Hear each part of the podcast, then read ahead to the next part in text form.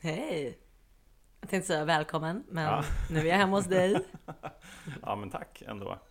Man kan ju säga välkommen till samtalet. Ja, det kan vi faktiskt göra. Välkommen till samtalet. Mm. Samtalet som vi inte vet vad det ska handla om idag. Nej, som vanligt. Exakt. Ja. Så lika bra att vi inte har någon plan, för att vi följer ändå inte planen. Nej, Och vi bad ju precis en eh, bön tillsammans. ja. Tredjestegsbönen. Mm. Som handlar om att eh, släppa taget Mm. om kontrollen. Och eh, det är det vi ska göra nu. Spännande.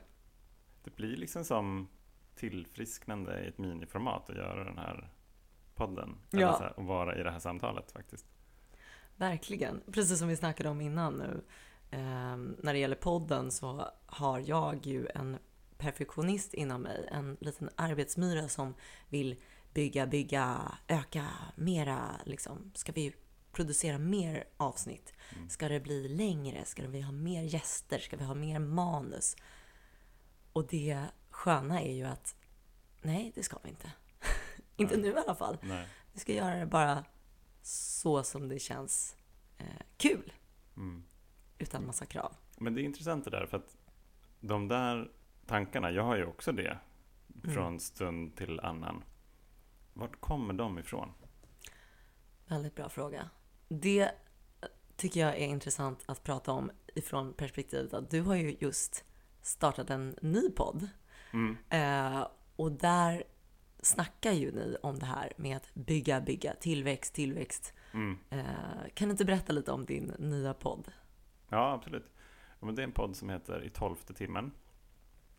Eh, och det är såklart en, eh, en eh, liten eh, vinkning till eh, 12 steg och att det är i elfte timmen, det vill säga att det är bråttom. Och det handlar om eh, hur vi kan förstå och belysa klimatkrisen ur ett beroendeperspektiv. Så bra.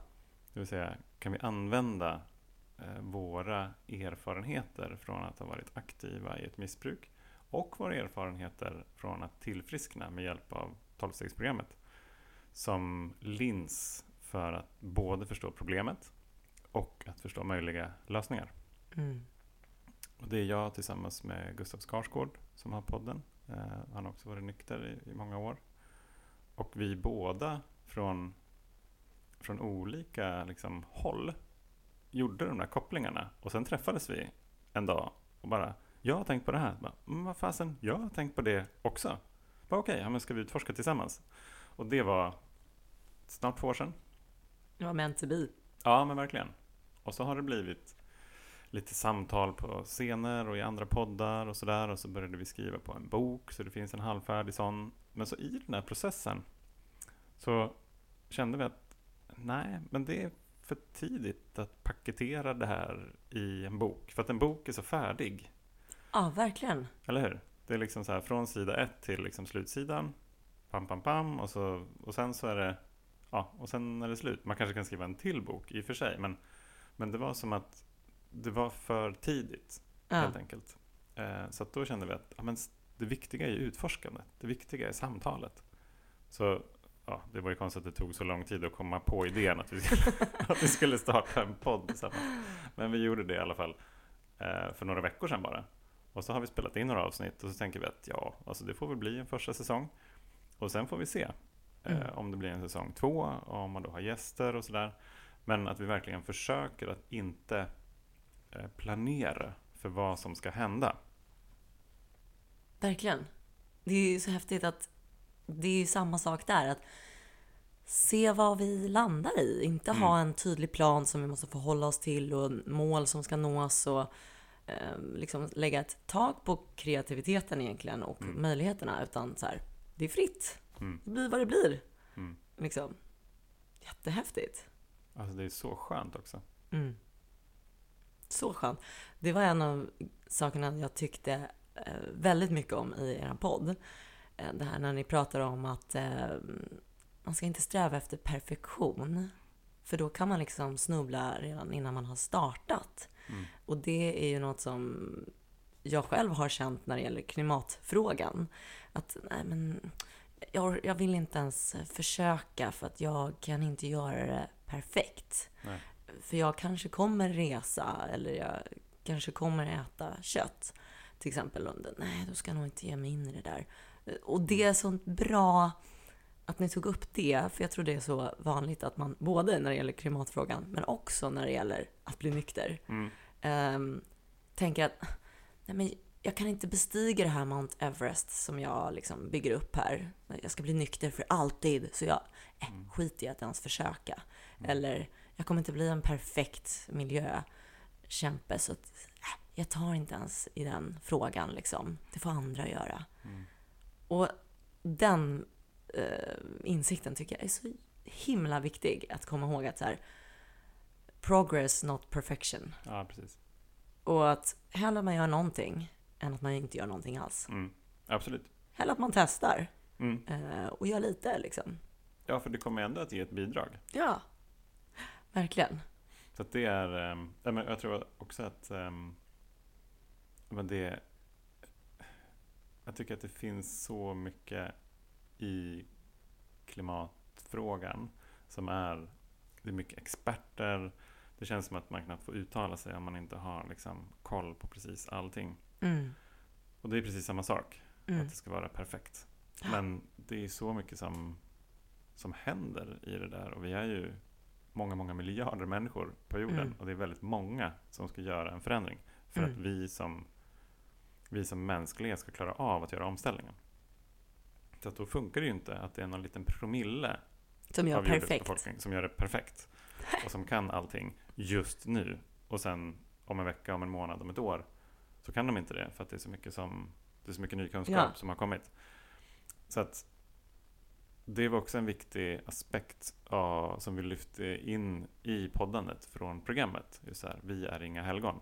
Nej, älskar det uttrycket. Och det är, eh, det är sjukt viktigt. För att det är så här, här sitter vi på våra höga hästar och vi gör allting perfekt. Vi, Mm. är, vi andas knappt, för det släpper ju också ut eh, CO2. Eh, Exakt, håll andan. Håll andan. Nej, men så här, alltså, jag, menar, jag äter kött ibland, ja, jag flyger ibland. Mm. Jag försöker att flyga så lite som möjligt. Mm. Men jag kommer aldrig att göra det helt perfekt. Nej. Det är inte det som är grejen. Nej, exakt. Det är liksom ett ständigt eh, utvecklingsarbete Mm. där man ser ja, vad kan jag göra bättre? Inte för att slå ner på sig själv och, och nu kopplar jag återigen till nykterheten också. Att Mm. där är ju samma sak. Man är inte perfekt från början. Och eh, det sa du för, för några avsnitt sedan faktiskt. Det här med att vad skönt det är att man inte är liksom upplyst och sådär från början och ser hela sig själv med klara ögon direkt. För då Mm. skulle man ju kanske få en chock Mm. och bli dyster och känna så här, har levt så här hela mitt liv och inte förstått mig på mig själv. Liksom. Eh, istället så portioneras det ut lite insikter här och där och mm, det handlar ju om ett, att utvecklas i en, en eh, hållbar takt liksom. Ja. Så att man känner att det här fungerar. Det här kan jag ha i min vardag. Det här är inte något jag bara gör över en, en dag, Precis. en helg. Det är ju lite så man har gjort tidigare när det gäller nykterheten. Att man kanske känner att jag har massa mål. Så var jag i alla fall. Att jag hade en bild av att jag vet innerst inne att jag kan inte dricka på det här sättet. Det är inte hållbart. Eh, Jag kommer aldrig nå några mål som jag har. Jag kommer aldrig bli den personen jag vill bli.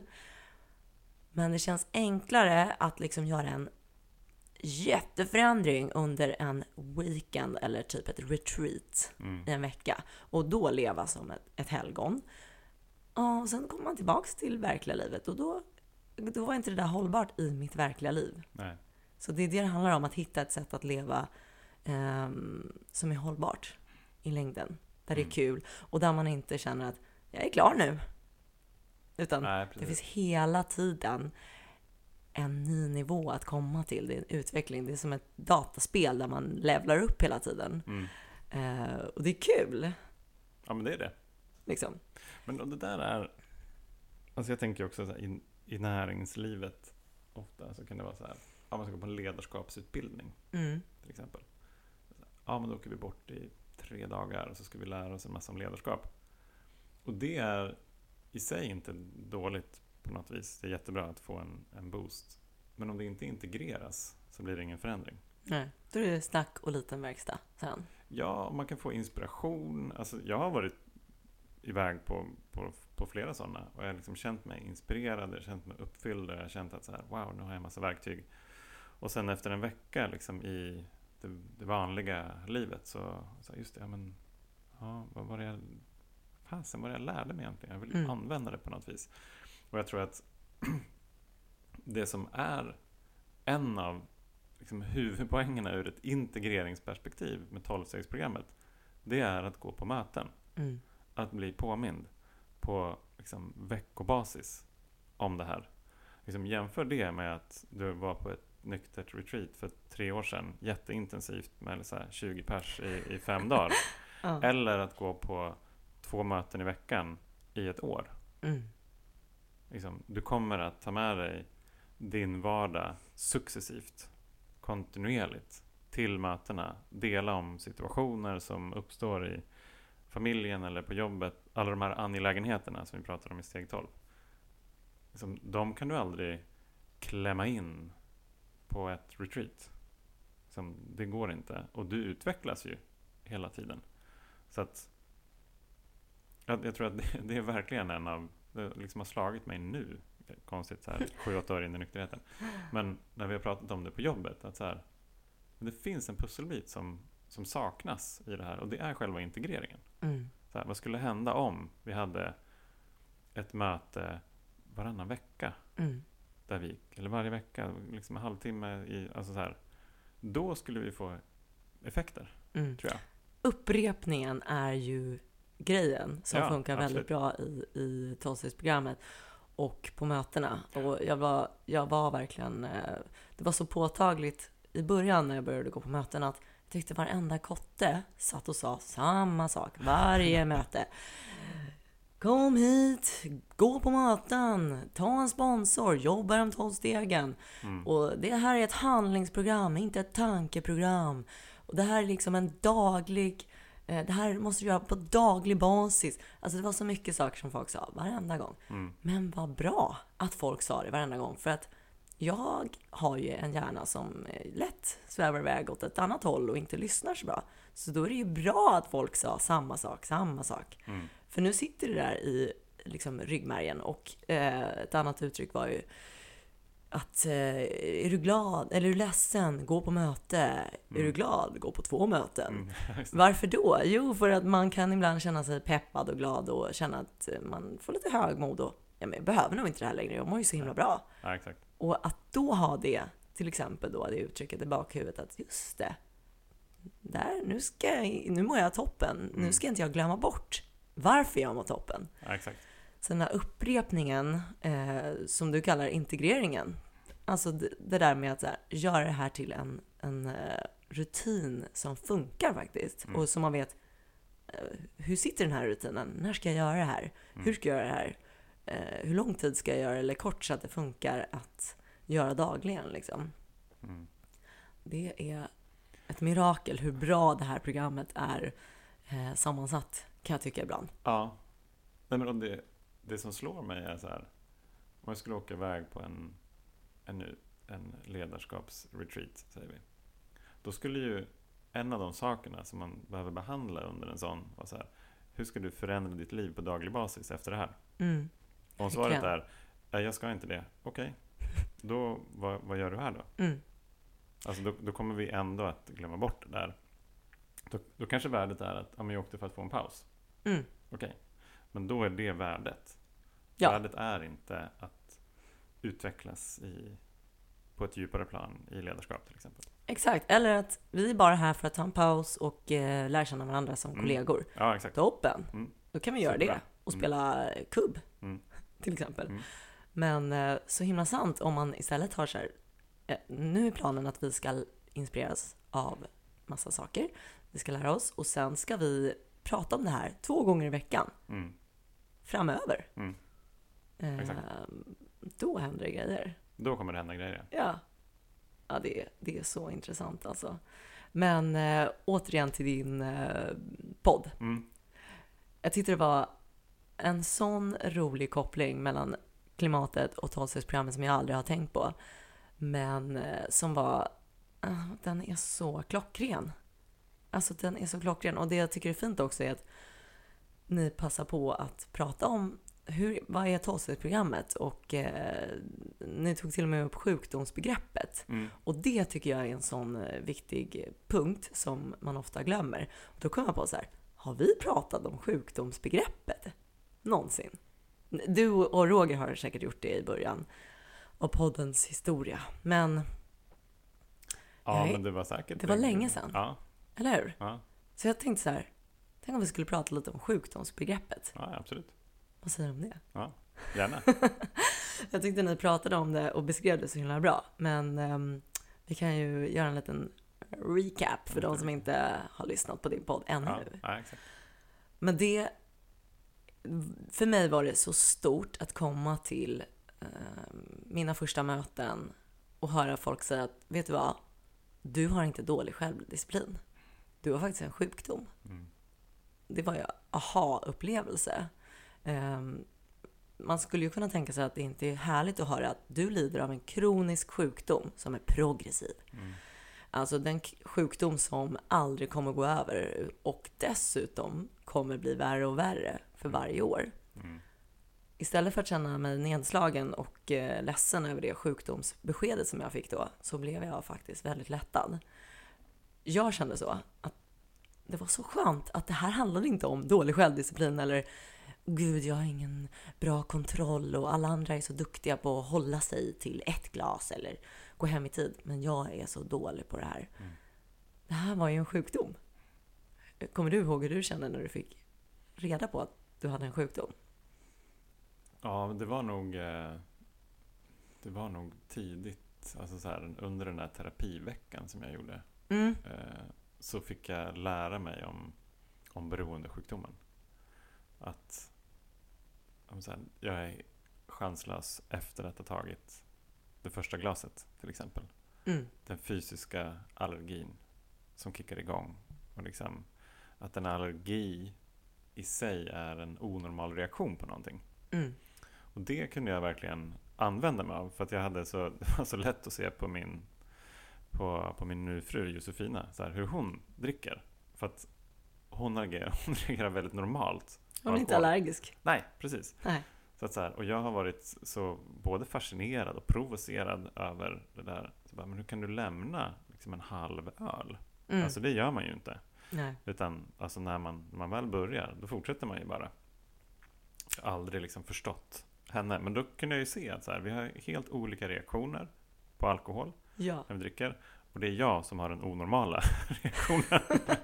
Ja, Ja. men vi har ju tyckt att de andra som sitter där och smuttar en hel kväll på samma glas, Ja. de, de är de onormala. Ja, exakt. Och det där är ju första delen i den tredelade sjukdomen. Mm. Ehm, Den första delen då kan man säga är fysisk allergi. Eh, Likadant som att vara allergisk mot jordnötter. Mm. Men när man är allergisk mot jordnötter så svullnar halsen upp och man... Det är en dödlig allergi då, då kan det ju vara. Ehm, halsen svullnar upp och man känner åh shit, det här måste jag lägga av med, annars kan jag ju dö. Mm. För en alkoholist, när man dricker alkohol, svullnar inte halsen upp. Men man blir besatt av att dricka mer. Så att den allergiska reaktionen får mig att vilja dricka mer av någonting som kommer leda till också död i Mm, slutändan. mm. Om man inte slutar. Det, det kan ju ta många, många år liksom. Mm. Så att allergisk reaktion som är onormal, en kroppslig onormal reaktion. Ja. Och sen har vi ju del nummer två då. Ehm, en andlig brist. Mm. Och vad fasen är det? Men jag, jag fick syn på mycket av liksom det som andlig brist är när jag gör omstegen nu. Just det. Det har varit superbra verkligen. Eh, där, där liksom vägen in till att förstå min andliga brist var genom mitt ältande. Wow. Där allt det här som jag går runt och, och tänker på också på ett onormalt sätt. Mm. Alltså jag kan älta saker som har hänt, jag kan älta saker som kanske kommer att hända. Jag kan älta varför är det inte så här? Mm. Eller älta varför är det så här? Jag kan Ja. älta att någonting är orättvist och så vidare. Eh, Men det löser ju ingenting. Nej. Det är inte så att jag konstruktivt tänker på hur ska jag lösa ett problem på jobbet eller okej, vad ska jag handla efter jobbet eller vad ska jag, bla bla bla. Utan det där som bara maler. Ett malande i Ett huvudet. malande, Ja. exakt. Som snarare än att bygga upp någonting, det maler ju hål på en. Ja, precis. Man blir nedbruten Ja, av det exakt. malandet. exakt. Jag fick typ lite samma förklaring när jag skulle ja, få reda på vad andlig brist var. Min sponsor rabblade upp några olika saker som rastlös, orolig, nervös, eh, känsla av att vara utanför, känsla av att aldrig passa in, eh, arg, frustrerad, eh, massa jobbiga känslor och sa så här, har du känt så här? Jag bara, ja. Hon bara, har du känt så mycket? Jag bara, ja. Mm, mm. Jag har inte gått runt och varit arg. Alla är ju olika. Liksom. Mm. Vissa har ju gått runt och varit förbannade på världen liksom, på en sjuk nivå. Jag har ju varit orolig och rädd för Mm. världen på en onormal nivå. Mm. Jag har varit eh, så orolig och nervös och rädd så att jag har distanserat mig från omvärlden och känt att jag är inte riktigt eh, som alla andra. Jag känner mig annorlunda. Ehm, och det var den förklaringen jag fick. Och där kan det också innefatta att man, man ältar och man grubblar och man Ja, kortfattat har en känsla av att man har en, en brist. Man har som ett svart hål i bröstet Mm. som man måste fylla med någonting för att känna sig hel. För man känner sig inte hel. Nej, exakt. En andlig brist. Mm. Och den tredje delen då, den mentala besattheten. Den är nästan det jag tycker är mest eh, fascinerande av allt. Eh, och där var det ju en liten käftsmäll tyckte jag. För då sa min eh, sponsor, ja, du har inte bara en fysisk eh, annorlunda reaktion, du har en fysisk eh, del, utan du har också en del som är centrerad i ditt sinne. Du har en sinnessjukdom. Jag bara, Mm. nej men nu har jag en sinnessjukdom också. Hopp! Synd. Ja, men när hon började förklara så kände jag ja, det har jag. Mm. För den mentala besattheten, det är ju det här att jag kan inte se skillnad på sanning och lögn. Jag kan inte komma ihåg konsekvenser. Jag har en blind fläck för konsekvenser. Mm. Eh, jag kan göra en grej, till exempel dricka alkohol eh, och sen så göra bort mig, tappa bort alla mina grejer, känna dagen efter, det här, så här får det aldrig mer bli. Sen går det några dagar, sen har jag totalt glömt bort de där konsekvenserna och Mm. kommer bara ihåg det positiva. Mm. Jag kan inte ens komma ihåg hur mycket ångest jag hade. Jag har liksom en blind fläck för de här um, konsekvenserna. Och då gör jag samma sak igen och tänker att nu ska det nog bli ett annat utfall. Mm. Och sen gör jag så varenda helg i många, många år. Det är ju sinnessjukt. Men jag tyckte Ja, fortfarande, det, nej, men det är ganska normalt liksom. Och då var hon så här, "Ja, men dig att du, tänk dig om vi gör det här exemplet då. Du går till en restaurang, så beställer du en maträtt, eh, så får du in den, den smakar skit. Ja, den är så äcklig alltså. Eh, så betalar du för den och så går du därifrån. Nästa helg då går du till samma restaurang, Mm. så beställer du samma måltid och tänker men den här gången så kommer det nog bli bra. Och så är den lika äcklig den här gången. och du betalar också för den. Ja. Eh, Det t- kanske till och med blir dyrare. Ja. Ja, men vad gör du nästa helg? Du går dit igen. Ja. och så gör du så varenda helg. Skulle du inte säga att det är lite sinnessjukt? Jag bara, jo, det är sinnessjukt. Det är väldigt bra exempel. Eller hur? Ja. Då kände jag, men ja, Alltså, det, så där kan man inte hålla på Andrea. Nej. Det fattar ju du med. det är sinnessjukt. Och ehm, det var så skönt att få det förklarat så här tydligt att du har en fysisk allergi, en, mental, en andlig brist och en mental besatthet. Mm. Och när jag kunde säga check på alla de tre, då var det så här, ja grattis, du har nog den här sjukdomen. Mm. Eh, och det stannar inte där, utan det här är som en ond spiral som bara går snabbare och snabbare och snabbare.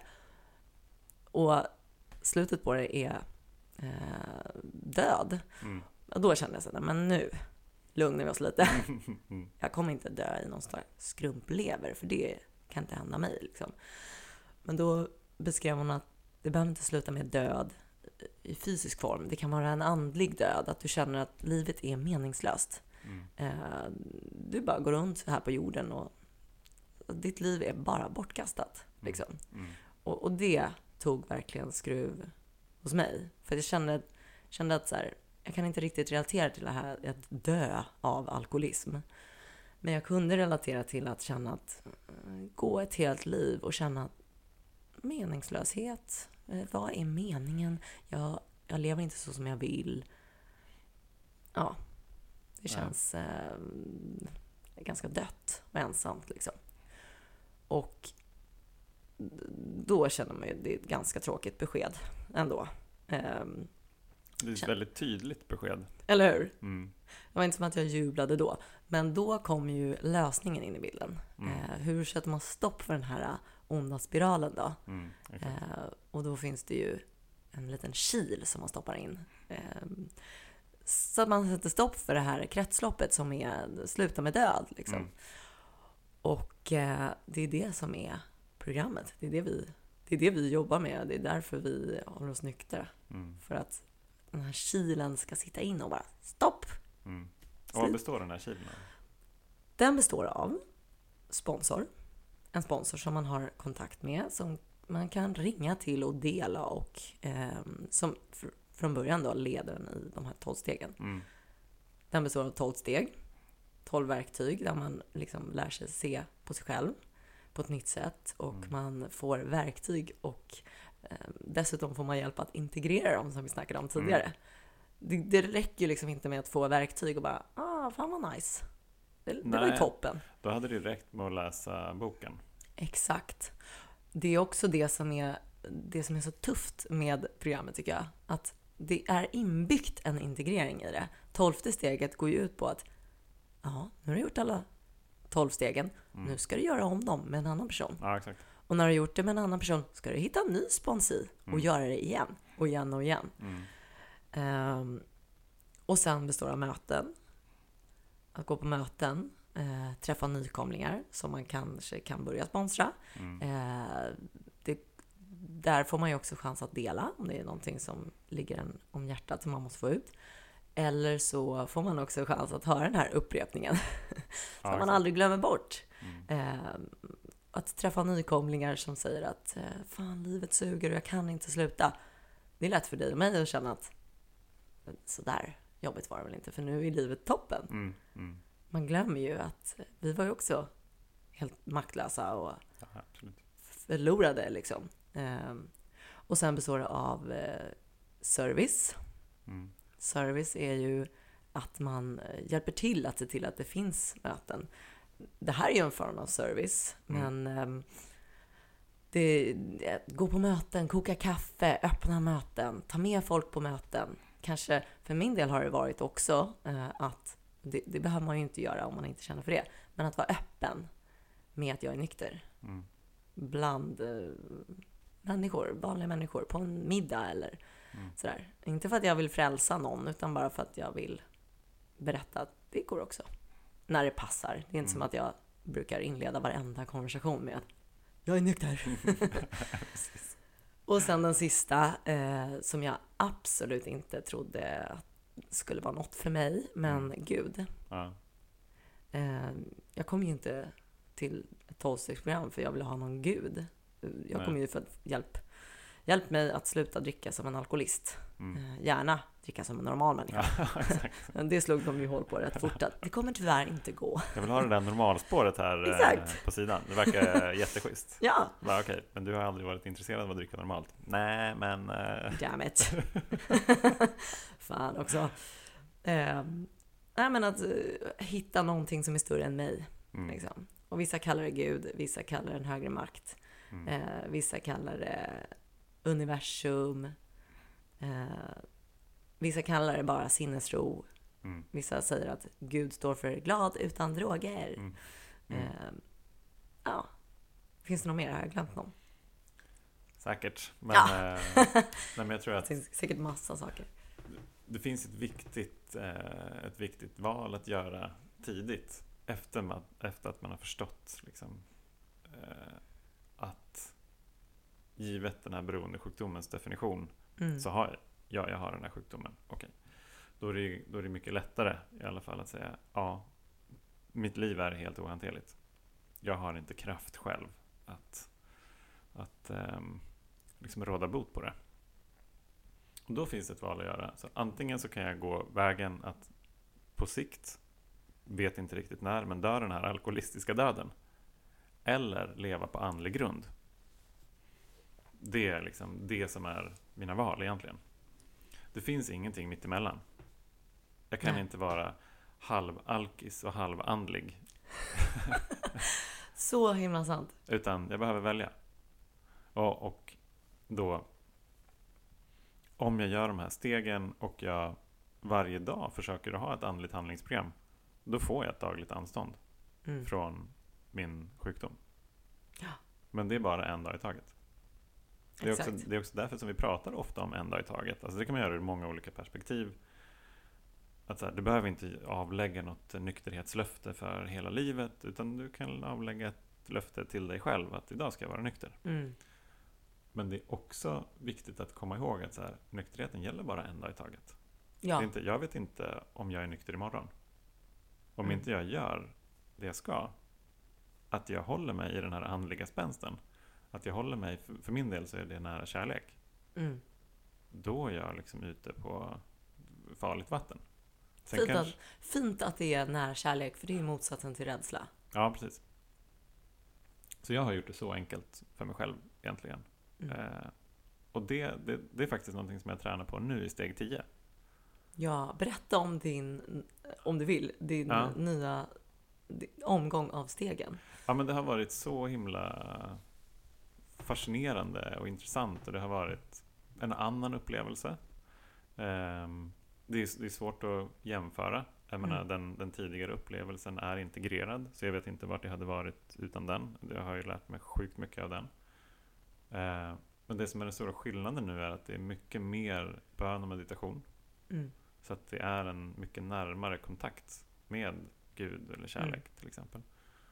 Eh, och i, i steg 10 eh, nu då som, som är att eh, liksom när vi har gjort våra gottgörelser, när vi har bett Gud att avlägsna våra karaktärsdefekter, vi har gått igenom och liksom rannsakat oss själva och lämnat över det.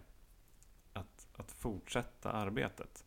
Och då står det så här i Stora boken, typ, jag läser inte utan till men så här, se upp med harm, rädsla, själviskhet, oärlighet. Och det räcker egentligen för att göra steg 10. Så här, att fortsätta se upp med det. Mm. Och det är ju olika uttryck av rädsla. Egentligen. Jag tänkte precis fråga, varför ska man se upp med det? Ja, ja men exakt. Så, att, så att det handlar om att göra ett dagligt val. Okej, ska jag idag vara i kärlek eller rädsla? Och att under dagen Mm. försöka vara i kärlek. Mm. Och det kommer att misslyckas. Och det är därför också som vi har liksom verktygen i steg 10. Okej, när vi misslyckas, för det kommer vi att göra, så kan vi göra en självrannsakan. Vi kan be Gud att avlägsna karaktärsdefekterna som dyker upp där och då. Mm. Och vi kan också gottgöra de som vi eventuellt liksom sårar. Alltså det, det kan ju låta lätt att ja, men se upp med harm och rädsla och själviskhet och Mm. Men det är, väl, det är väl enkelt. Mm. Och det är så fint att det också i boken står att så här, harm och eh, de andra känslorna, det är sånt som andra kan unna sig. Men Ja, vi har inte råd att unna oss det. Exakt. För det är lite, eh, för mig var det i alla fall så att det är lite mysigt att få känna harm och eh, det går igång någonting i mig att få känna mig rädd. Det är också en känsla som jag har liksom känt mig så bekväm i på något sätt. Så det är, och att liksom få snacka skit och Mm. eh, liksom roffa åt mig. Alltså det, det kan låta så här, jag vill bara skippa det. Men det, det kan vara så djupt inrotat i en att, att eh, glida in i det hjulspåret. Mm. Så att det är i början verkligen en kamp att stå emot. Mm. Och sen är det klart att jag måste fortfarande se till att inte gå runt och harmas och välja att se negativa sidor istället för positiva. Ja, precis. Välja att se saker från ett kärleksfullt perspektiv istället för att bli rädd och jämföra mig och eh, börja sätta mig över eller under människor. Och Mm. att det verkligen är ett aktivt jobb. Ehm, Exakt. att vi kan inte unna oss de eh, karaktärsdefekterna eller vad man ska säga för att sooner or later leder det oss tillbaka till där vi var. Mm. För då är livet ganska fullt av det. Harm, Ja, exakt. rädsla, själviskhet. Och det man kan säga då är så här, ja men hur kopplar det till liksom sjukdomsbegreppet? Ja, genom att göra det så föder vi den där andliga bristen. Mm. Om jag, om jag väljer att vara i rädsla, jag väljer att liksom se ner på folk, jag väljer att eh, inte tro på, på Mm. folks intentioner och så vidare. Ja, men då föder jag bara den här andliga bristen. Mm. Det är ju så, det är så häftigt också, för det, det där med law of attraction som är Mm. liksom, det är ju ett annat sätt egentligen bara att säga att det du eh, vattnar, det sår du, typ. Mm. Mm. Alltså om du går runt och sprider kärlek, då får du tillbaka kärlek. Går du runt och sprider usch, alla Mm. människor är dumma, då, Mm. då sprider man ju den stämningen av människan. Liksom. Ja, såklart. Eh, Så att det är häftigt att det, det finns så många olika delar av andra eh, filosofier och andra sätt att se på världen Mm. eh, inbakat i tolvstegsprogrammet. Ja, exakt. Okej, Ja, precis, och den där tvivelaktiga lyxen där, exakt. Tvivelaktig lyx. som vi inte kan unna oss, men den kommer till slut att leda till att så här, ah, om, det, om livet ändå är så här pissigt, då kanske jag lika gärna kan dricka. Mm. Eller det kanske inte var så farligt. Nej. Ah, det vore kanske skönt med en liten paus. Mm. Folk Jag är är ändå så idioter. duktig. Ja, Ja. precis. Jag får unna mig för jag är så duktig. Ja, Eller exakt. något. Eh, Men det, det är ju... eh, Jag brukar tänka, eller jag brukar berätta för nya sponsorer till exempel att beroendesjukdomen, den eh, behöver alkohol för att överleva. Mm. Och den behöver ju att jag sitter och är rädd och att jag sitter och harmar och är arg på folk och känner mig ensam och att jag isolerar mig. Mm. Det göder beroendesjukdomen. Ja, Då frodas den liksom. Mm. Mm. Men om jag däremot slutar, för det första, tillföra alkohol eh, och sen slutar att liksom göda de här olika egenskaperna som inte leder mig någon eh, lycklig vart, Mm, liksom, då svälter jag ut beroendesjukdomen. Och då blir det lite enklare att se så här, vill jag göda den eller vill jag svälta den? Jag vill Mm. svälta den. Mm. Exakt. Och sen är det inte som att den någonsin dör, Nej. men den sover, Ja, precis. kan man säga. Exakt. Ja, den blir, den blir latent liksom. Ja, Mm. exakt. Den är latent. Mm. Och det är ett ganska viktigt perspektiv tycker jag. Och, och då blir det enklare att förstå att det är ett dagligt anstånd. Det är inte någonting som jag blir frisk ifrån och sen så kan jag bara köra på. Utan det är faktiskt ett... Vi behöver hitta ett nytt sätt att leva. Mm. Ehm, och det är ju det som... När jag förstod det så kändes det som, oh shit, vilken, vilken jävla grej egentligen. Som var både positivt och negativt Mm. faktiskt. Det var lite både och. För att det blev så stort. Mm. Och samtidigt var jag så här, wow, det finns ett helt nytt sätt att leva. Ja. Eftersom det andra sättet inte funkade så bra. Så att, Ja, men viktigt att komma ihåg att, eller viktigt att du poängterar, för det, ju, det kan ju ibland låta som att vi eh, kom på att vi skulle bli nyktra och sen svalde allt med hull och hår. ja. Men att man faktiskt var ju rätt skeptisk i början. Ja. Eh, du kände så här, men shit, vad har jag gett mig in på? Det här är Ja, så exakt. stort. Kommer jag orka det här?